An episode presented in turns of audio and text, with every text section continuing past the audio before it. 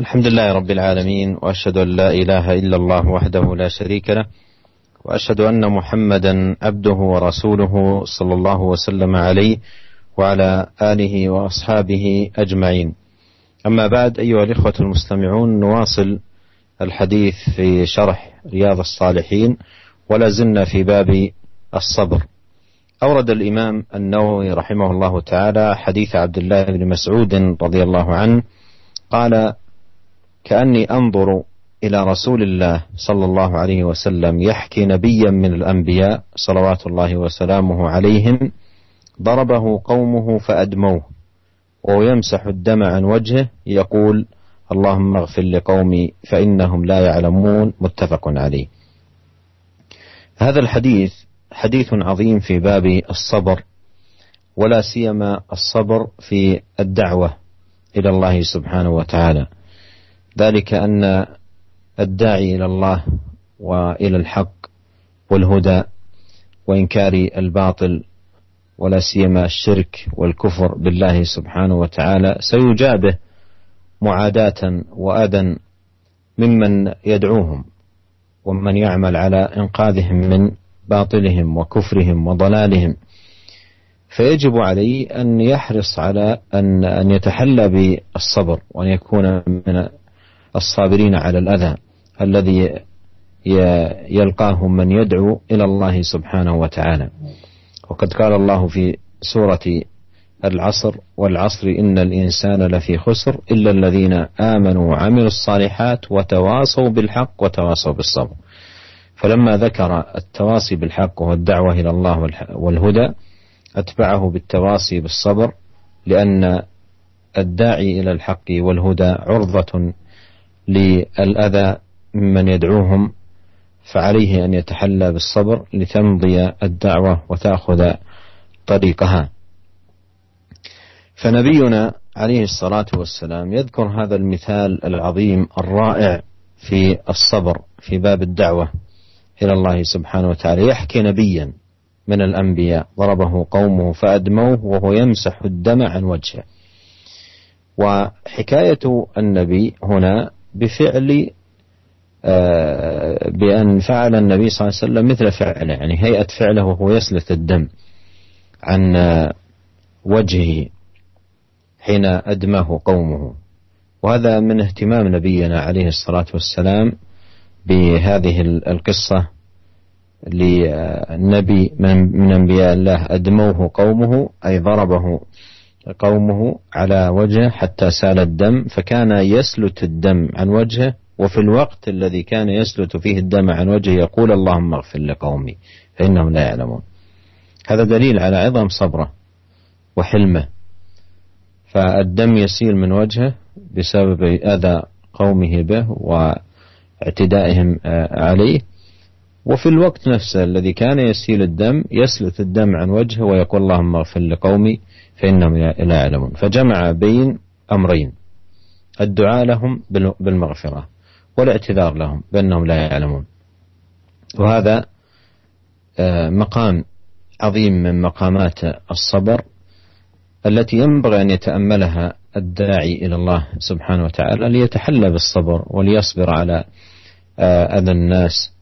أن بعض الدعاة آه، لا يتحمل بعض الكلمات اليسيرة من الأذى القولي فضلا عن يتحمل مثل هذا الأذى العظيم بالاعتداء أو الضرب أو نحو ذلك. فإذا قرأ مثل هذا المثال آه، العظيم لحال نبي من أنبياء الله سبحانه وتعالى وكيف أنه صبر وتحمل الأذى ويدعو لقومه ويعتذر لهم فإن مثل ذلك لا شك أن له أثره البالغ في نفوس آه، الدعاة إلى الله سبحانه وتعالى مما يقود العبد ويعينه على التحلي بالصبر والتخلق بهذا الخلق العظيم. بسم الله الرحمن الرحيم الحمد لله Segala puji dan syukur kita panjatkan kehadirat Allah Subhanahu wa taala. Salawat dan salam semoga senantiasa tercurahkan kepada suri teladan kita, junjungan kita Nabi Muhammad sallallahu alaihi wasallam serta keluarganya serta seluruh sahabat beliau tanpa terkecuali. Para pendengar yang dirahmati oleh Allah Subhanahu wa taala, kita melanjutkan uh, pembahasan dari hadis-hadis yang termaktub dalam kitab Riyadus Salihin, Syarah Riyadus Salihin dan uh, kita uh, sekarang masih dalam bab sabar. Al-Imam An-Nawawi rahimahullah taala membawakan sebuah hadis dari Abu Abdurrahman Abdullah bin Mas'ud radhiyallahu taala anhu di mana Abdullah bin Mas'ud radhiyallahu taala anhu berkata, "Ka'anni anzuru ila Rasulillah sallallahu alaihi wasallam yahki nabiyyan minal anbiya." Seakan-akan aku melihat kepada Rasulullah sallallahu alaihi wasallam yang sedang menghikayatkan, yang sedang menceritakan tentang seorang nabi dari dari golongan para nabi. Semoga salawat salawat salawatullahi salamuhu alaihim. Semoga Allah memberikan salawat dan salamnya kepada para nabi tersebut. Kenapa dengan nabi ini kata uh, Ibnu Mas'ud radhiyallahu taala anhu tatkala menceritakan tentang bagaimana Nabi sallallahu alaihi wasallam menghikayatkan nabi yang lain, darabahu qaumuhu fa'admauhu. Di mana nabi tersebut ya dipukul oleh kaumnya hingga akhirnya mereka membuat nabi tersebut berdarah. Wa huwa yamsahu dama an wajhihi dan nabi tersebut mengusap darah yang keluar di wajahnya Yaqul sambil berkata, Allahumma ghufir li qaumi fa innahum la ya'lamun.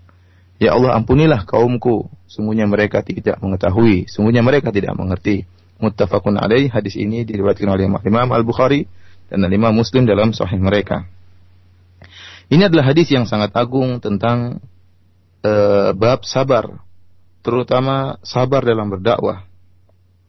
Kenapa? Karena seorang yang berdakwah berdakwah kepada jalan Allah Subhanahu wa taala, berdakwah menyerukan al-haq dan mengingkari kebatilan terutama kesyirikan, maka dia akan berhadapan dengan gangguan-gangguan yang yang berat. Terutama dari gangguan orang-orang yang terjerumus dalam kesyirikan.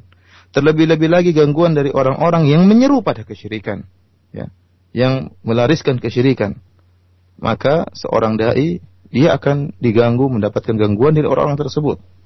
Oleh karenanya Allah Subhanahu wa taala telah mengingatkan dalam surat Al-Asr tentang hal ini bahwasanya seorang yang berdakwah dia harus bersabar. Kata Allah Subhanahu wa taala, "Wal 'asr innal insana lafi khusrin illa alladziina amanu wa 'amilus shalihat wa tawasaw bil haqq wa tawasaw bis sabr." Kata Allah demi masa sungguhnya seluruh manusia tenggelam dalam kerugian kecuali orang-orang yang beriman dan beramal saleh. Kemudian kata Allah Subhanahu wa taala, "Wa tawasau bil haq" dan mereka saling saling berwasiat untuk menjalankan kebenaran, "Wa tawasau bis sabr" dan mereka juga saling mewasiatkan di antara mereka untuk bersabar. Allah Subhanahu wa taala menyebutkan tentang "Wa tawasau bil haq".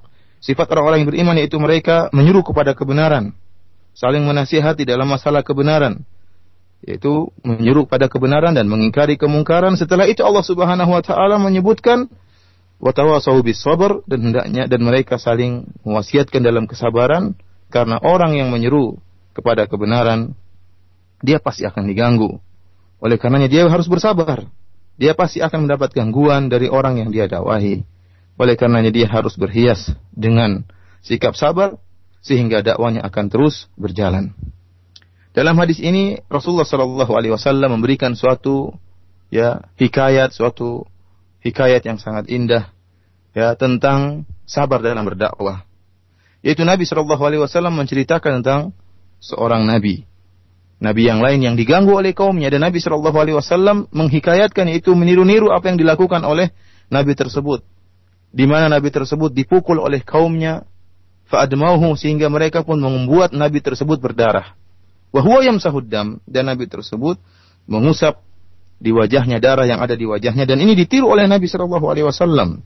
Ya agar diperhatikan dilihat oleh para sahabat. Ini contoh yang sangat indah yang dilakukan oleh Nabi Shallallahu Alaihi Wasallam. Sampai-sampai Nabi meniru-niru apa yang dikerjakan oleh Nabi ini ya. Tatkala sang Nabi yang diganggu oleh kaumnya mengusap darah dari wajahnya. Tatkala dia sedang mengusap dari darah dari wajahnya menahan rasa sakit ya akibat yang di gangguan yang diberikan oleh yang dilakukan oleh kaumnya, Nabi ini berkata, Allahumma gfir li qaumi fa innahum la ya'lamun. Ya Allah, ampunilah kaumku, sungguhnya mereka tidak mengerti. Ini menunjukkan bagaimana sabarnya Nabi tersebut dan bagaimana bijaknya Nabi tersebut dia sedang disakiti oleh kaumnya dan dia pun bersabar dan berdoa kepada Allah Subhanahu wa taala. Menunjukkan bagaimana sangat sabarnya Nabi tersebut. Telah menggabungkan antara sabar ya dan juga berusaha agar kaumnya dimaafkan oleh Allah Subhanahu wa taala. Dia bersabar tatkala sedang disakiti, ya. Ini dia berdoa tatkala sedang disakiti, bukan setelah disakiti. Saat tatkala sedang disakiti, tatkala darah sedang mengalir di wajahnya dan dia pun mengusap darah tersebut kemudian berdoa kepada Allah Subhanahu wa taala agar Allah mengampuni mereka. Bahkan bukan cuma agar Allah mengampuni mereka, dia berdoa kepada Allah dan menyebutkan uzur bagi kaum kaumnya dan mengatakan fa innahum la ya'lamun. Sungguhnya mereka kaumku tidak mengerti sehingga akhirnya mereka melukaiku. Ya. Ini adalah uh, suatu kondisi yang sangat luar biasa, suatu tingkatan yang sangat luar biasa dalam hal sabar. Agar kita bisa memperhatikan contoh yang disebutkan oleh Nabi Shallallahu Alaihi Wasallam ini, ya terutama para dai. Kenapa? Karena sebagian doa, sebagian dai sangat tidak sabar, baru diganggu oleh kaum yang dia dakwai, ada dia, dia mendakwai masyarakat, baru diganggu oleh masyarakat dengan gangguan perkataan saja, dia sudah tidak sabar. Bagaimana lagi kalau diganggu dengan gangguan fisik, dengan pemukulan yang menimbulkan darah sebagaimana yang dialami oleh Nabi ini. Oleh karena jika seorang dai memperhatikan hadis ini, ya, bagaimana Nabi SAW mengkisahkan tentang seorang Nabi, maka tentunya ini akan memberikan pengaruh yang besar dalam hatinya ya. Sehingga dia akan bisa uh, menjadi mudah untuk bersabar karena melihat tentang bagaimana sabarnya seorang nabi bahkan berdoa bagi kaumnya. Wa qawluhu eh, radhiyallahu anhu fi qawl ibn Mas'ud radhiyallahu anhu fi hadha al-hadith كأني أنظر إلى رسول الله صلى الله عليه وسلم يحكي نبيا. يعني المحاكاة كما عرفنا قبل قليل هي أن يفعل مثل فعل من يحاكيه. يفعل فعلا مماثلا لفعله. وهذا في مقام التعليم والبيان واستحضار هذا العمل العظيم المجيد الذي قام به هذا النبي عليه السلام الذي حكى النبي صلى الله عليه وسلم فعله. فحكاية الفعل في مثل هذا المقام حكاية فعل الغير في مثل هذا المقام محمو فعل محمود لما فيه من النفع والفائدة والأثر. وقد ثبت في سنن الترمذي من حديث عائشة رضي الله عنها أن النبي عليه الصلاة والسلام قال ما أحب أني حكيت أحدا وأن لي كذا وكذا. ما أحب أني حكيت أحدا وأن لي كذا وكذا. والمراد بحكيت أحدا أي فعلت فعله. مثل أن يمشي الإنسان مثلا متعارجا أو متأطئا رأسه أو مغمضا عينيه أو إحدى عينيه كهيئة الأعمى أو الأعمش أو نحو ذلك. فهذا مذموم. وهو الذي ينطبق عليه هذا الحديث ما أحب أني حكيت أحدا وأن لي كذا وكذا. وهذا يبين لنا خطأ الذي يقع فيه من يمارس التمثيل أو تقليد الآخرين في الأصوات أو في الحركات من باب التنكيت وإضحاك الناس. هذا عمل لا يجوز وهو داخل في باب الغيبة. ولهذا جاء عن الإمام النووي رحمه الله أنه قال ومن الغيبة المحرمة المحاكاة. ومن الغيبة المحرمة المحاكاة. بأن يمشي متعارجا أو مطأطئا رأسه أو غير ذلك من الهيئات. ومن الغيبة المحرمة المحاكاة بأن يمشي متعارجا أو مطأطئا رأسه أو غير ذلك من الهيئات. Uh, para pendengar yang dirahmati oleh Allah Subhanahu wa taala, kita kembali kepada hadis Abdullah bin Mas'ud yang menceritakan tentang uh, Nabi Shallallahu alaihi wasallam yang hikayakan menceritakan nabi yang lain yang diganggu oleh kaumnya. Ibnu Mas'ud mengatakan, "Ka'anni anzuru ila Rasulillah sallallahu alaihi wasallam yahki nabiyan." Seakan-akan aku melihat kepada Rasulullah sallallahu alaihi wasallam yang sedang menghikayatkan nabi yang lain yang diganggu oleh kaumnya.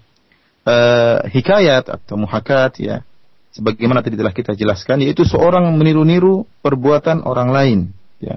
Meniru-niru persis seperti apa yang dilakukan oleh orang yang ditiru-tirunya tersebut. Dan hal ini jika dalam rangka di, dilakukan dalam rangka untuk taklim, dalam dalam rangka untuk menjelaskan, menjelaskan bagaimana yang dilakukan oleh Nabi sini, di mana Nabi Shallallahu Alaihi Wasallam melakukan hal itu sehingga para sahabat bisa menghadirkan bagaimana uh, kedudukan yang tinggi dari sikap sabar yang dimiliki oleh Nabi tersebut, yang uh, mengusap darah dari wajahnya sambil mendoakan kaumnya. Oleh karenanya hikayat seperti ini meniru-niru uh, orang lain, gaya orang lain karena hal ini yang seperti ini, ini adalah perbuatan yang mahmud yang terpuji. Uh, adapun yang tidak terpuji sebagaimana yang disyaratkan dalam sebuah hadis yang diriwayatkan oleh Imam Tirmidzi rahimahullah dari Aisyah radhiyallahu taala anha bahwasanya Nabi SAW pernah bersabda, "Ma uhibbu anni hakaitu ahadan wa anna li kadza wa kadza."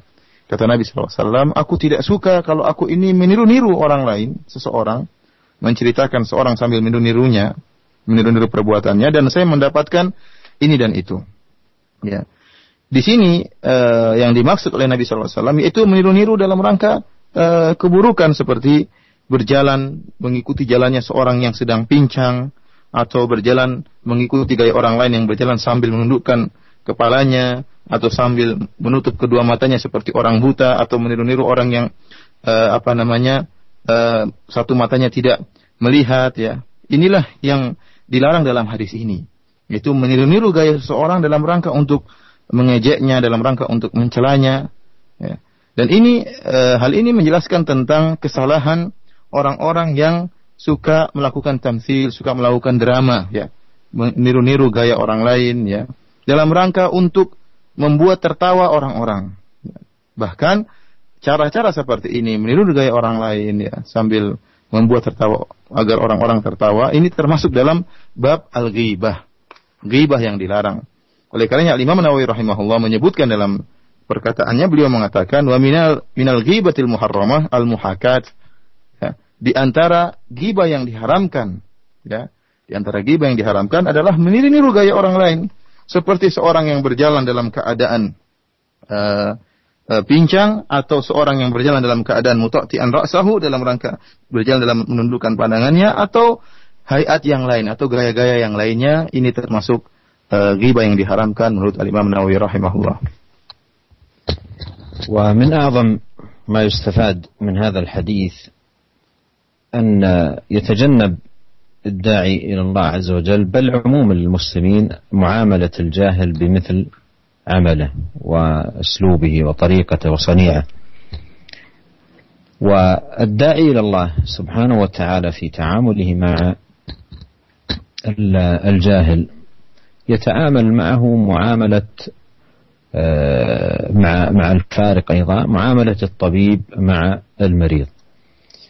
ف عندما يتعامل الطبيب مع المريض ولا سيما من اشتد به المرض ولا سيما أيضا إذا تعامل معه بآلة كإبرة أو مشرط أو نحو ذلك يقتضيها معالجة المريض قد يغضب المريض وقد يسب الطبيب وقد يسيء إليه فالطبيب الناصح لا يبالي بذلك ويدرك أن هذه من الأمور التي تأتي من سيطرة المرض وشدة المرض على المريض. والداعي إلى الله سبحانه وتعالى أولى بذلك. ومن يتعامل معهم هم في الحقيقة مرضى أشد من المرض العضوي أو المرض البدني.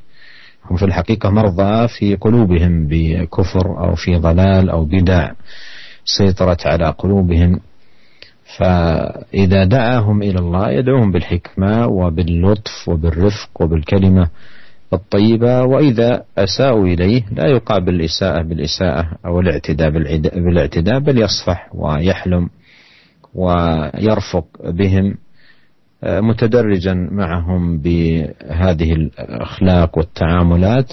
لعل الله سبحانه وتعالى يستنقذهم على يديه ليكونوا من أهل الحق وأهل الهدى وكما أسلفت هذا الذي جاء في هذا الحديث مثال رفيع جدا وعالي في مقام الصبر في باب الدعوة إلى الله جل وعلا Eh, para pendengar yang dirahmati oleh Allah Subhanahu wa taala dan di antara perkara yang sangat agung yang bisa kita ambil faedah dari hadis ini yaitu bagi yaitu seorang dai uh, hendaknya uh, tatkala uh, bersikap menghadapi orang-orang yang jahil jangan dia bersikap seperti orang-orang jahil tersebut. Jika dia disikapi dengan sikap yang buruk oleh orang-orang yang jahil maka jangan dia meniru gaya orang-orang jahil tersebut terpancing dan berbuat seperti orang jahil tersebut. Seorang yang berdakwah di jalan Allah Subhanahu wa taala tatkala berhadapan dengan orang-orang yang jahil, yang terjerumus dalam kemaksiatan, terjerumus dalam kebid'ahan, terjerumus dalam uh, kesyirikan, maka dia bermuamalah dengan mereka sebagaimana tabib yang bersikap dengan orang yang sedang sakit, ya. Ya, terutama jika orang yang sakit tersebut ya dokter bagaimana tatkala berhadapan dengan orang yang sakit, terutama jika orang yang sedang sakit tersebut sakitnya lagi keras-kerasnya, lagi parah-parahnya. Terutama lagi terlebih-lebih lagi jika sang dokter ternyata sedang menggunakan alat-alat alat-alat bedah misalnya lagi memegang pisau bedah atau lagi memegang e, suntik misalnya ya tentunya orang yang sedang sakit orang yang sakit tersebut terkadang marah karena disakiti oleh sang sang dokter ya yang mungkin e, memotong atau menyuntik yang mungkin bisa jadi e, orang yang sakit tersebut akhirnya mencela sang dokter namun sang, dok, sang dokter tabib ini bersabar bersabar dengan kondisi orang yang sedang sakit tadi. Dia tahu. Sang dokter ini ngerti bahwasanya tidaklah orang yang sakit ini bersikap seperti ini, bersikap seperti ini kecuali karena dia telah dikuasai oleh rasa sakit yang amat parah. Kalau dokter bisa bersabar, maka sendaknya seorang dai harus lebih bisa bersabar lagi. Dan perlu diketahui bahwasanya orang-orang masyarakat yang dihadapi oleh para dai, masyarakat sebagian masyarakat yang terjerumus dalam bid'ah, terjerumus dalam syirikan, terjerumus dalam kemaksiatan, mereka sakit mereka lebih parah daripada orang yang sakit tubuhnya. Ya, pikiran mereka lebih dikuasai oleh bid'ah-bid'ah tersebut daripada seorang yang sakit badannya. Oleh karenanya, seorang yang berdakwah harus lebih mengerti akan hal ini dan lebih bersabar. Dan hendaknya dia menghadapi kejahilan, sikap-sikap buruk yang dilakukan oleh uh, orang yang diadawai dia balas dengan sikap yang lembut, sikap yang bijak, sikap yang tenang. Dan dia bersikap dengan mereka dengan penuh kelembutan. Bisa jadi semoga Allah Subhanahu wa taala dengan sikap lembutnya tadi bisa menyelamatkan orang-orang jahil tadi sehingga orang-orang yang jahil tadi mendapatkan hidayah disebabkan dai tersebut yang sabar dalam dalam berdakwah. ثم أورد الإمام النووي رحمه الله تعالى بعد ذلك حديث أبي سعيد وأبي هريرة عن النبي صلى الله عليه وسلم قال ما يصيب المسلم من نصب ولا وصب ولا هم ولا حزن ولا حزن ولا أذى ولا غم حتى الشوكة يشاكها إلا كفر الله بها من خطاياه. متفق عليه. هذا حديث أيضا في بيان مقام الصبر وأن المسلم فيما يصيبه في هذه الحياة الدنيا من مرض أو تعب أو هم أو حزن أو ألم أو غم أو غير ذلك حتى الشوكة يشاكها.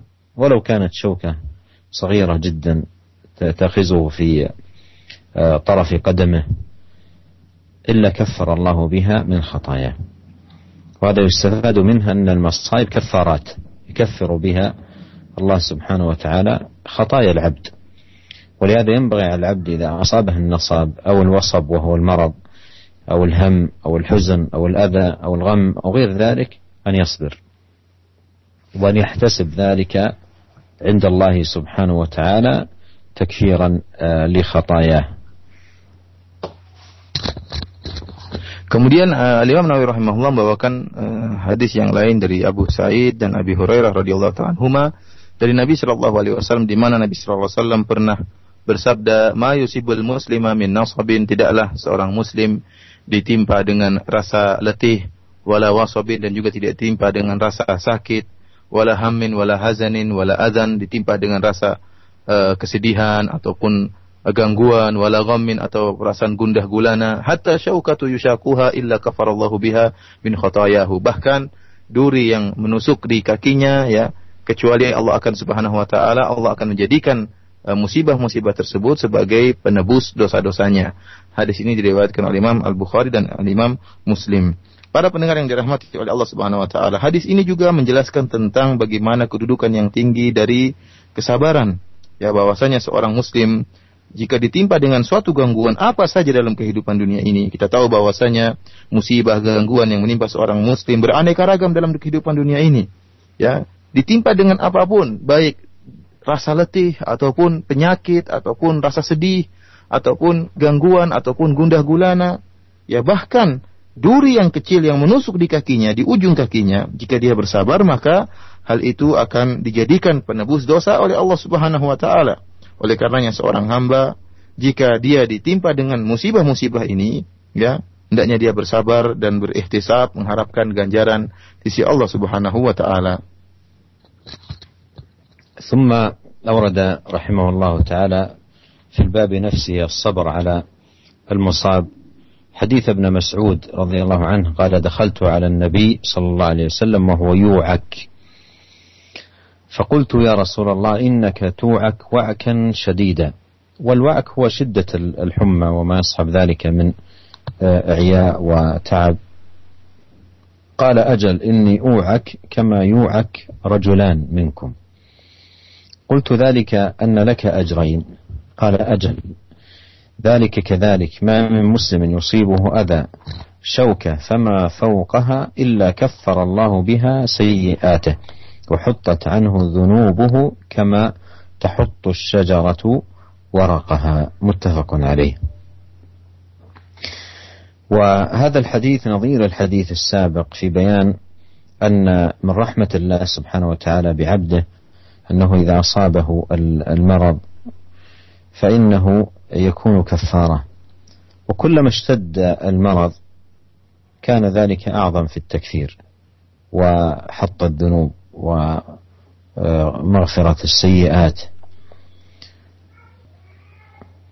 وأن على الإنسان في هذا المقام مقام الابتلاء بالمرض أو الفقر أو النصب أو الهم أو غير ذلك أن يتحلى بالصبر محتسبا أجر ذلك وثوابه وما فيه من تكفير لسيئاته Kemudian Al Imam Nawawi rahimahullah membawakan hadis yang lain yang juga dalam uh, bab sabar tentang sabar tatkala ditimpa dengan penyakit. Dari Ibnu Mas'ud radhiyallahu taala anhu, beliau berkata, "Dakhaltu 'ala Nabi sallallahu alaihi wasallam wa huwa yu'ak."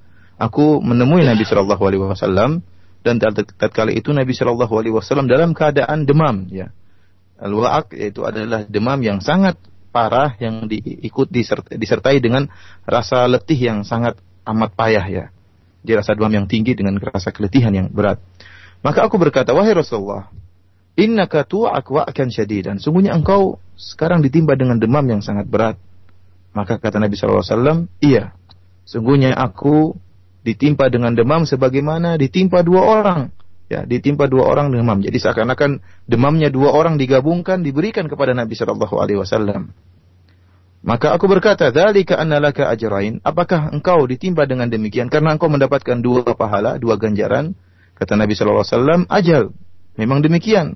Demikianlah perkaranya. Kemudian kata Nabi sallallahu alaihi wasallam, "Ma min muslimin yusibuhu adan syaukatun fama fawqaha illa kafarallahu biha sayyi'atih." Wa huttat anhu dhunubuhu kama tahuttu syajaratu waraqaha. Kata Nabi wasallam tidaklah seorang muslim ditimpa dengan gangguan baik duri yang kecil ataupun yang lebih daripada itu, gangguan yang lebih berat daripada itu, kecuali Allah Subhanahu wa taala akan menjadikan gangguan tadi sebagai penebus dosa-dosanya dan akan gugur uh, akan penebus kesalahan-kesalahannya dan sebagai akan gugur dosa-dosanya sebagaimana sebuah pohon yang menggugurkan daun-daunnya. Hadis ini hadis yang sahih yang diriwayatkan oleh Imam Bukhari dan Imam Muslim dalam sahih uh, mereka. Hadis ini sebagaimana hadis yang lalu yang menunjukkan bagaimana rahmat Allah Subhanahu wa taala kepada hamba-hambanya di mana Allah Subhanahu wa taala menjadikan apa saja gangguan apa saja yang menimpa hamba-hambanya sebagai kafarah, sebagai penebus dosa. Dan di sini perlu diingatkan, semakin berat ya sakit seseorang, maka semakin besar pula penebus dosa yang akan dia dapatkan. Ya, semakin banyak dosa-dosa yang akan digugurkan darinya. Oleh karenanya, seorang manusia, seorang hamba ya tatkala diuji oleh Allah Subhanahu wa taala dengan ujian apapun, baik penyakit, baik mau kesedihan, kemiskinan, ya, kesulitan, apa saja, hendaknya dia bersabar dan mengharapkan ganjaran dari Allah Subhanahu wa taala. ثم أورد رحمه الله حديث أبي هريرة رضي الله عنه قال قال رسول الله صلى الله عليه وسلم من يرد الله به خيرا يصب منه. رواه البخاري. وقوله يصب منه ضبطت بفتح الصاد وكسرها يصب ويصب. ومعنى ذلك أن الله يقدر عليه آه، شيء من المصائب في هذه الحياة من مرض أو فقر أو آه، نحو ذلك. لتكون كفارات له وممحصات له لأن المصائب كفارات. ولا شك أن من الخير للعبد أن تكفر خطيئته في الدنيا ويسلم من عذابها يوم القيامة. لا شك أن هذا خير له. والمصيبة كفارة للعبد. فإذا قوله من يرد الله به خيرا يصب منه لا شك أن كون الإنسان يصاب بمصيبة في الدنيا تكفر خطيئته أولى من أن يلقى الله سبحانه وتعالى بتلك الخطيئة فيكون عرضة للعقاب. والسيئة تكفر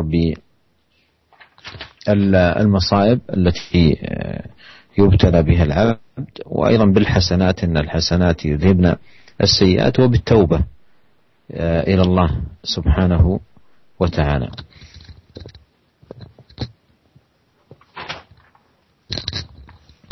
Kemudian Al-Imam Nawawi rahimahullah membawakan hadis yang berikutnya dari Abu Hurairah radhiyallahu taala anhu, semoga Allah meridainya, di mana beliau berkata, "Qala Rasulullah sallallahu alaihi wasallam, man yuridillahu bihi khairan yusib minhu." Kata uh, Rasulullah sallallahu alaihi wasallam, Rasulullah bersabda, barang siapa yang Allah inginkan kebaikan baginya, yusib minhu, maka Allah akan buat dia uh, sakit ya, akan akan ditimpa dengan musibah. Dalam kalimat yusib minhu ini, yusib ada dua uh, harokat bisa yusib minhu atau yusop minhu yang artinya kalau yusib minhu artinya Allah Subhanahu wa taala memberikan musibah kepadanya atau kalau yusop minhu artinya dia ditimpa dengan dengan musibah. Hadis ini hadis yang sahih yang diriwayatkan oleh Al Imam Al Bukhari. Para pendengar yang dirahmati oleh Allah Subhanahu wa taala, maksud dari hadis ini bahwasanya Allah Subhanahu wa taala jika menghendaki kebaikan bagi hambanya, maka Allah Subhanahu wa taala akan mentakdirkan bagi hambanya tersebut uh, sesuatu musibah baginya. Musibah dengan uh, apa pun musibah tersebut baik uh, penyakit ataupun kemiskinan ya ataupun rasa letih atau gangguan yang lainnya ya. Yang ini semua merupakan kafarat merupakan penebus-penebus dosa dan pembersih dirinya dari dosa-dosa dan kita tidak ragukan lagi bahwasanya merupakan kebaikan bagi seorang hamba jika dosa-dosanya diampuni digugurkan di dunia ini sehingga dia tidak akan mendapatkan akibat buruk dari dosa-dosa tersebut di akhirat. Ini merupakan kebaikan. Jika seorang hamba tatkala di dunia telah dibersihkan dosa-dosanya, maka tatkala di akhirat dia tidak akan mendapatkan akibat buruk dari dosa-dosa tersebut. Namun jika seorang hamba di dunia dosa-dosanya tidak digugurkan, maka dia akan terancam untuk mendapatkan neraka jahanam. Dan para pendengar yang dirahmati oleh Allah Subhanahu wa taala, suatu keburukan atau suatu dosa bisa digugurkan dengan seperti ini musibah-musibah. Ya musibah-musibah itu juga menggugurkan dosa. Atau dengan kebaikan-kebaikan. Seorang banyak melakukan kebaikan-kebaikan, maka kebaikan-kebaikan tersebut bisa juga menggugurkan dosa-dosa yang dilakukan. Atau dengan bertobat kepada Allah Subhanahu wa taala karena tobat juga menggugurkan dosa-dosa.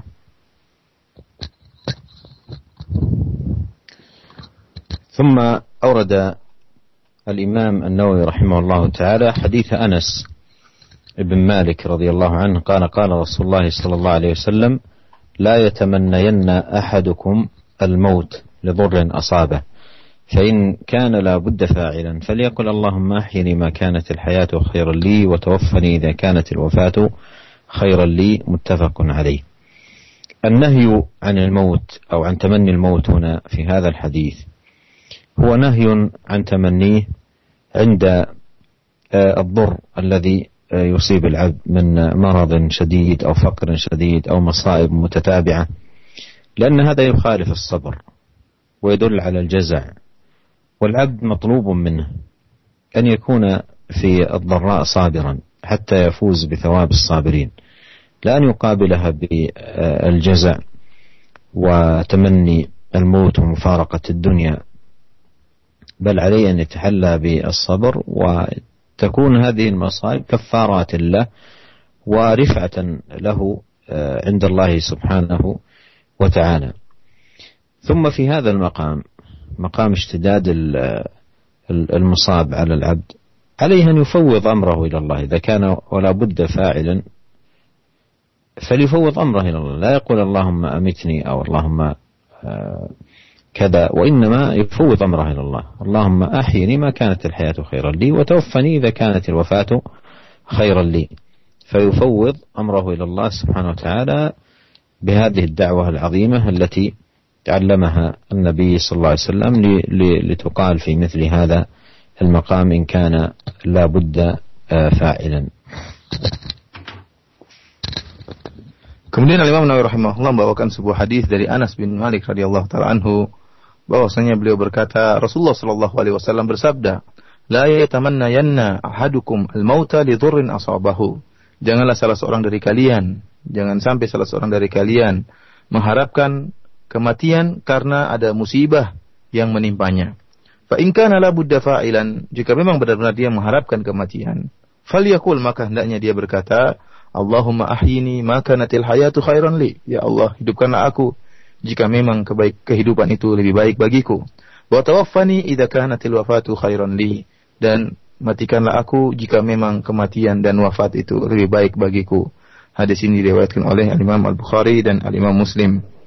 Para pendengar yang dirahmati oleh Allah Subhanahu wa taala, larangan dari mengharapkan kematian di sini yaitu tatkala uh, uh, karena tatkala dalam keadaan uh, musibah yang sangat yang sangat berat. Karena seorang tatkala ditimpa dengan musibah ya, dengan kesulitan, mungkin musibah yang bertubi-tubi, yang bertumpuk-tumpuk, yang semakin memberatkan dia, lantas kemudian dia mengharapkan kematian Orang yang seperti ini ya, menunjukkan dia tidak sabar, menunjukkan dia uh, tidak sabar dan uh, tidak suka dengan hal itu dan dan ini bertentangan dengan sikap sabar. Seorang hamba tatkala berhadapan dengan ujian yang dituntut darinya adalah dia bersabar tatkala ditimpa dengan musibah. Dituntut baginya dia berhias dengan akhlak yang sabar, bukan dengan marah, bukan dengan uh, kemudian minta mati ya. Ini bukanlah sikap seorang mukmin yang beriman kepada takdir Allah Subhanahu wa taala.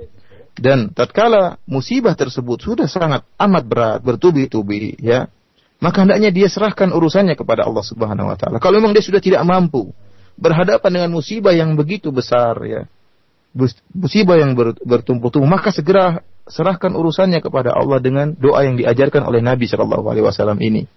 Jangan dia mengatakan ya Allah matikan aku saja ya Allah aku tidak mampu berhadapan dengan musibah ini. Ya Allah matikan aku saja. Ini adalah keliru. Ya tidak tahu apa yang terbaik bagi dia. Jika dia memang sudah tidak mampu dan dia harus ber, berdoa kepada Allah, maka dia hendaknya berdoa dengan doa yang diajarkan oleh Nabi. Ini itu doa yang sangat indah, yaitu Allahumma ahyini maka natil hayatu khairan li. Ya Allah hidupkanlah aku jika memang kehidupan itu yaitu langsungkanlah hidupku dan panjangkanlah hidupku jika memang kehidupan itu baik bagiku wa tawaffani idza kanatil wafatu khairan li dan matikanlah aku jika memang kematian itu lebih baik Eh, dari eh, lebih baik bagiku. ثم أورد رحمه الله تعالى حديث خباب بن الأرت رضي الله عنه قال شكونا إلى رسول الله صلى الله عليه وسلم وهو متوسد بردة له في ظل الكعبة فقلنا ألا تستنصر لنا ألا تدعو لنا؟ أي تطلب من الله أن ينصرنا تدعو الله عز وجل أن يخلصنا من أذى المشركين. فقال عليه الصلاة والسلام قد كان قد كان من آه، قبلكم يؤخذ الرجل فيحفر له في الأرض فيجعل فيها ثم يؤتى بالمنشار فيوضع على رأسه فيجعل نصفين. ويمشط بأمشاط الحديد ما دون لحمه وعظمه. ما يصده ذلك عن دينه. والله ليتمن الله هذا الأمر حتى يسير الراكب من صنعاء إلى حضرموت. لا يخاف إلا الله والذئب على غنمه. ولكنكم تستعجلون. رواه البخاري. هذا الحديث جمع فيه النبي صلى الله عليه وسلم بين الحث على الصبر على الأذى وأن الواجب على المسلم أن يصبر على أذى أعداء الدين. ومع الأخذ بأسباب النصر والتمكين لدين الله والدعوة إليه. وأيضا آه، ذكر عليه الصلاة والسلام أن الله عز وجل متم دينه بحيث أن الراكب من صنعاء إلى آه، حضرموت لا يسير لا يخاف إلا الله والذئب على غنمه أي من استتباب الأمن في آه، الجزيرة والأرجاء التي ينتشر فيها الإسلام. وهذا من أمارات النبوة. هذا من أمارات آه، النبوة. وقد وقع الأمر كما أخبر عليه الصلاة والسلام. وشاهد الحديث للباب أن فيه الحث على الصبر على الأذى Kemudian Imam Nawawi rahimahullah membawakan sebuah hadis dari Abi Abdullah Khabbab bin Al-Arat radhiyallahu taala anhu beliau berkata kami mengeluhkan kepada Rasulullah sallallahu alaihi wasallam itu tentang kondisi mereka yang dalam keadaan sulit ya. Wa huwa mutawassidun burdatan lahu fi dhillil Ka'bah. Tatkala itu Nabi sallallahu alaihi wasallam sedang uh, menjadikan selendangnya sebagai bantal untuk dia letakkan kepalanya di bawah naungan Ka'bah, di, di bawah bayangan-bayangan Ka'bah. Fakulna maka kami berkata kepada Nabi sallallahu alaihi wasallam kami mengeluhkan kondisi kami yang ditekan dan diintimidasi oleh kaum musyrikin Arab di Mekah, maka kami berkata, "Ala tantasiru, ala tantasiru lana, ala tad'u lana?" Tidakkah engkau minta pertolongan kepada Allah agar menolong kami? Tidakkah engkau berdoa kepada Allah agar Allah Subhanahu wa taala ya menyelamatkan kami dari gangguan orang-orang musyrikin? Ya. Maka apa kata Nabi sallallahu alaihi wasallam menyabarkan para sahabat yang mendapatkan gangguan dari orang-orang musyrikin Arab tatkala itu Kata Nabi SAW, Qad kana man qablakum yu'khadhu rajulu fayufaru lahu fil ard fayuj'alu fiha. Ada orang sebelum kalian ya. Ada orang yang diambil seorang yang beriman, kemudian dibuat lubang, kemudian dimasukkan orang tersebut dalam lubang tersebut, kemudian didatangkan gergaji, lantas gergaji tersebut diletakkan di atas kepala orang tadi, kemudian dibelahlah orang tadi dengan gergaji.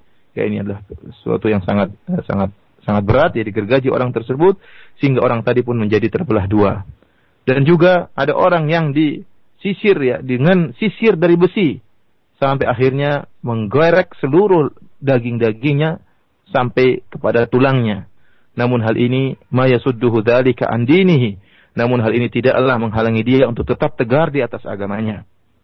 Kemudian kata Nabi sallallahu alaihi wasallam, "Wallahi la yutimmanna Allahu hadzal amr hatta yasira ar-rakibu min San'a ila Hadramaut la yakhafu illa Allah wa dhi'ba ala ghanamihi."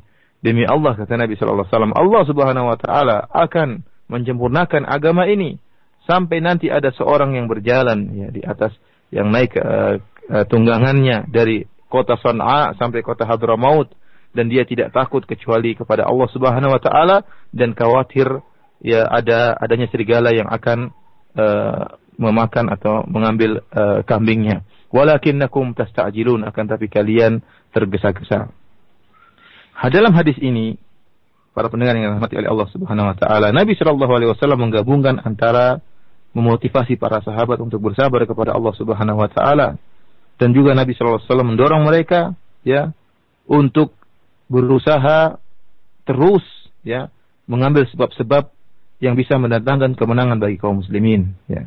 Di mana Nabi Shallallahu alaihi wasallam menjelaskan bahwasanya wajib bagi seorang muslim tatkala berjalan di atas agamanya bersabar atas segala gangguan Ya, terutama dalam menjalankan ketaatan agamanya. Dia diganggu, dia harus bersabar. Namun, selain dia bersabar, dia juga berusaha. Berusaha mengambil sebab-sebab agar Allah memberikan tamkin, memberikan kemenangan, kedudukan bagi kaum muslimin. Oleh karenanya Nabi SAW menyebutkan dalam hadis ini, memberi semangat kepada para sahabat, bahwasanya Allah Subhanahu Wa Taala akan menyempurnakan agamanya.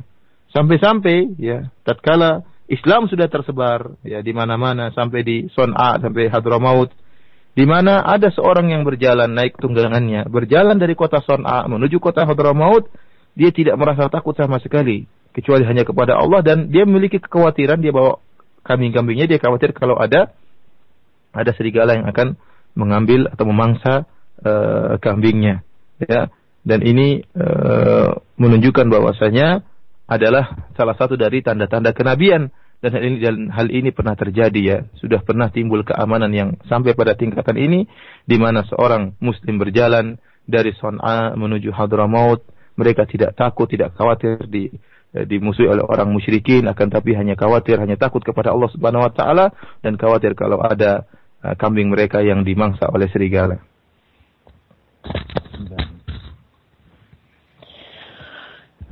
ثم أورد رحمه الله تعالى عن ابن مسعود رضي الله عنه قال لما كان يوم حنين آثر رسول الله صلى الله عليه وسلم ناسا في القسمة فأعطى الأقرع بن حابس مئة من الإبل وأعطى عيينة بن حصن مثل ذلك وأعطى ناسا من أشراف العرب وآثرهم يومئذ في القسمة. فقال رجل والله إن هذه قسمة ما أذل فيها وما أريد فيها وجه الله.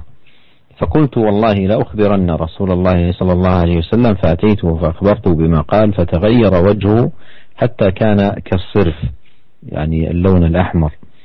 ثم قال فمن يعدل إذا لم يعدل الله ورسوله؟ ثم قال يرحم الله موسى قد أوذي بأكثر من هذا فصبر فقلت لا جرم لا أرفع إليه بعدها. حديثا متفق عليه أي بسبب ما رآه من آه، تأثر النبي صلى الله عليه وسلم لتلك المقالة. شاهد الحديث صبر النبي عليه الصلاة والسلام واستذكاره واستحضاره لصبر الأنبياء من قبله. وقد قال الله جل وعلا له في القرآن فاصبر كما صبر أولو العزم من الرسل. وموسى عليه السلام من أولي العزم من الرسل. وهو نبينا عليه الصلاة والسلام يقول في هذا المقام مقام الصبر. يرحم الله موسى قد أوذي بأكثر من هذا فصبر. فهذا أيضا يفيد أن تذكر الإنسان لمقامات الصابرين. يعينه على الصبر والتحلي به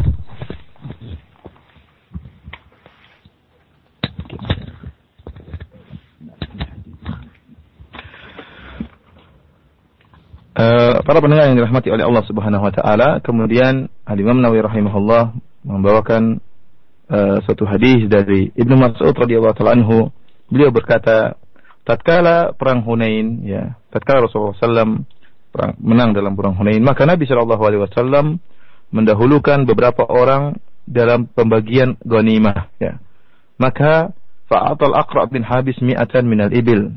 Kemudian akhirnya Nabi Shallallahu alaihi wasallam memberikan kepada Aqra bin Habis 100 ekor onta dan kemudian Nabi Shallallahu alaihi wasallam memberikan Uyainah bin Hasan seperti itu juga 100 ekor uh, onta wa atau nasan min asrafil Arab wa atharahum yauma idzin fil qismah. Kemudian juga Nabi wasallam memberikan beberapa orang dari orang-orang yang mulia dari kalangan Arab dan Rasulullah SAW mendahulukan mereka tatkala itu dalam pembagian uh, ghanimah tatkala itu. Maka tiba-tiba ada seorang yang berkata, mengomentari ya perbuatan Nabi Shallallahu Alaihi Wasallam tersebut yang mendahulukan sebagian orang dalam pembagian. Maka orang tersebut berkata, Wallahi inna hadhihi kismatun ma'udila fiha. Kata orang ini demi Allah, ini merupakan pembagian yang tidak adil, pembagian yang tidak adil. Wa ma urida fiha wajhullah. Dan pembagian ini dilakukan bukan ikhlas karena Allah Subhanahu wa taala. Ini perkataan yang sangat berat ya. Mengatakan Nabi tidak adil, mengatakan Nabi tidak tidak ikhlas. Fakultu maka uh, Ibnu Mas'ud berkata, "Wallahi la ukhbiranna Rasulullah sallallahu alaihi wasallam." Fa'ataituhu fa bima qala. Kata Ibnu Mas'ud, demi Allah, saya akan menyampaikan perkataanmu ini akan saya sampaikan kepada Rasulullah sallallahu alaihi wasallam. Ya. Maka aku pun mendatangi Nabi sallallahu alaihi wasallam dan aku kabarkan tentang perkataan tersebut apa yang telah dikatakan oleh lelaki tadi. Fataghayyara wajhuhu hatta kana kasirf Kemudian ternyata wajah Nabi Shallallahu Alaihi Wasallam berubah tatkala itu, ya, berubah sampai seperti uh, warna merah yaitu mu, mu, apa namanya muka yang sangat merah dan padam ya, yang mendengar perkataan yang seperti itu. Kemudian kata Nabi Shallallahu Alaihi Wasallam, "Faman ya'dil idalam ya'dilillahu wa rasuluhu." Kalau kalau Allah dan Rasulnya tidak adil, maka siapakah yang bisa adil? Kemudian kata Nabi Shallallahu Alaihi Wasallam, "Yarhamullahu Musa, qad udhiya bi aktsara min hadha fasabar." Allah semoga Allah Subhanahu wa taala merahmati Nabi Musa alaihissalam. Sungguh dia telah diganggu dengan lebih daripada perkataan ini dan dia pun bersabar. Kemudian kata Ibnu Mas'ud, la jarama la arfa ilahi ba'da hadisan. Kata Ibnu Mas'ud, kalau gitu saya tidak akan lagi menceritakan kepada Nabi eh, perkataan-perkataan yang buruk kepada Nabi Shallallahu Alaihi Wasallam. Kenapa? Karena Ibnu Mas'ud melihat begitu ada perkataan yang buruk kepada Nabi disampaikan kepada Nabi, maka Nabi Shallallahu Alaihi Wasallam berubah wajahnya memerah, ya kemudian uh, yang sikap seperti tidak disukai oleh Ibnu Mas'ud radhiyallahu taala anhu. Para pendengar yang dirahmati oleh Allah Subhanahu wa taala, uh, dalam hadis ini disebutkan bagaimana Nabi Shallallahu alaihi wasallam diganggu dengan perkataan yang mungkin perkataan tersebut sedikit akan tapi perkataan yang sangat berat yang mengatakan Nabi SAW tidak adil dan mengatakan Nabi SAW membaginya bukan karena wajah Allah tidak ikhlas kepada Allah Subhanahu Wa Taala. Maka Nabi SAW bersabar tatkala itu. Bahkan Nabi SAW ya mengingat tentang sabarnya nabi-nabi terdahulu. Karena Allah Subhanahu Wa Taala memerintahkan Nabi untuk bersabar sebagaimana ulul azmi kata Allah Subhanahu Wa Taala fasbir kama sabar ulul azmi minar rusul hendaknya engkau bersabar wahai Muhammad sebagaimana para ulul azmi telah bersabar dan di antara rasul-rasul ulul azmi di antaranya Nabi Musa alaihissalam. Kemudian Nabi SAW menyebutkan bagaimana sabarnya Musa untuk menenangkan hatinya. Kata Nabi SAW, Allah merahmati Nabi Musa. Beliau telah diganggu oleh kaumnya lebih daripada ini. Lebih daripada gangguan ini. Akan tapi beliau uh, beliau bersabar. Maka hal ini, hadis ini memberikan uh, faedah kepada kita, terutama bagi seorang dai untuk bersabar tatkala diganggu oleh uh, masyarakat atau diganggu oleh kaumnya tatkala dia sedang uh, berdakwah. ثم أورد رحمه الله حديث أنس رضي الله عنه قال قال رسول الله صلى الله عليه وسلم إذا أراد الله بعبده خيرا عجل له العقوبة في الدنيا وإذا أراد الله بعبده الشر أمسك عنه بذنبه حتى يوافي به يوم القيامة وقال النبي صلى الله عليه وسلم إن عظم الجزاء مع عظم البلاء وإن الله تعالى إذا أحب قوما ابتلاهم فمن رضي فله الرضا ومن سخط فله السخط. رواه الترمذي وقال حديث حسن. فهذا الحديث أيضا نظير ما سبق في أن المصائب كفارات وأن على العبد أن يصبر على آه، المصائب حتى يفوز برضا الله سبحانه وتعالى عنه. وأيضا أن أن العاصين إمهال الله لهم هو استدراج لهم فالعقوبة تؤخر لحكمة وعلى العبد أن يحذر إذا كان في ذنوب وفي الوقت نفسه المال يزيد عنده والصحة ونحو ذلك فإن هذا من قبيل آه، الاستدراج. أما إذا كان الإنسان آه، في بعض الذنوب والمعاصي ثم أصيب بمصاب وكان هذا بوابة له للهداية فهذا لا شك من إرادة الخير بعبده يعجل له العقوبة في الدنيا ويوفقه الإنابة والرجوع إلى الله سبحانه وتعالى وتكون المصائب آه، كفارات له. نختم حديث هذا اللقاء بحديثنا هذا. نسأل الله عز وجل لنا جميعا التوفيق والسداد والعون على كل خير. والسلام عليكم ورحمة الله وبركاته وعليكم السلام ورحمة الله وبركاته جزاك الله خيرا يا شيخ Para pendengar yang dirahmati oleh Allah Subhanahu wa taala, kemudian Imam Nawawi rahimahullah membawakan sebuah hadis dari Anas bin Malik radhiyallahu taala anhu di mana Rasulullah SAW bersabda, jika Allah menghendaki kebaikan bagi seorang hamba, maka Allah akan segerakan baginya hukuman di dunia. Dan jika Allah menghendaki bagi seorang hamba keburukan, maka Allah akan menangguhkan uh, hukuman tersebut sampai akhirnya Allah Subhanahu wa taala akan menghukumnya pada hari kiamat kelak. Dan dalam hadis yang lain Rasulullah SAW juga bersabda, sungguhnya inna idzamal jaza ma idzamil bala. Sungguhnya uh, besarnya balasan sesuai dengan besarnya ujian yani. Eh, dan sungguhnya Allah Subhanahu wa taala jika mencintai sebuah kaum ibtalahum maka Allah akan menguji mereka. Faman radiya falahu ridha barang siapa yang ridha dengan ujian tersebut maka Allah akan ridha baginya wa man sakhita falahu sukhtu dan barang siapa yang marah tatkala diuji maka bagi dia kemarahan Allah Subhanahu wa taala. Hadis-hadis ini ya seperti hadis-hadis yang sebelumnya yang menunjukkan bahwasanya musibah-musibah yang menimpa seorang hamba merupakan kafarat, merupakan penebus menebus dosa oleh karena seorang hamba tatkala ditimpa dengan musibah, ditimpa dengan ujian, maka hendaknya dia bersabar. Dan ini merupakan tanda kecintaan Allah baginya. Sehingga dia tatkala bersabar dia akan mendapatkan keriduan Allah Subhanahu wa taala.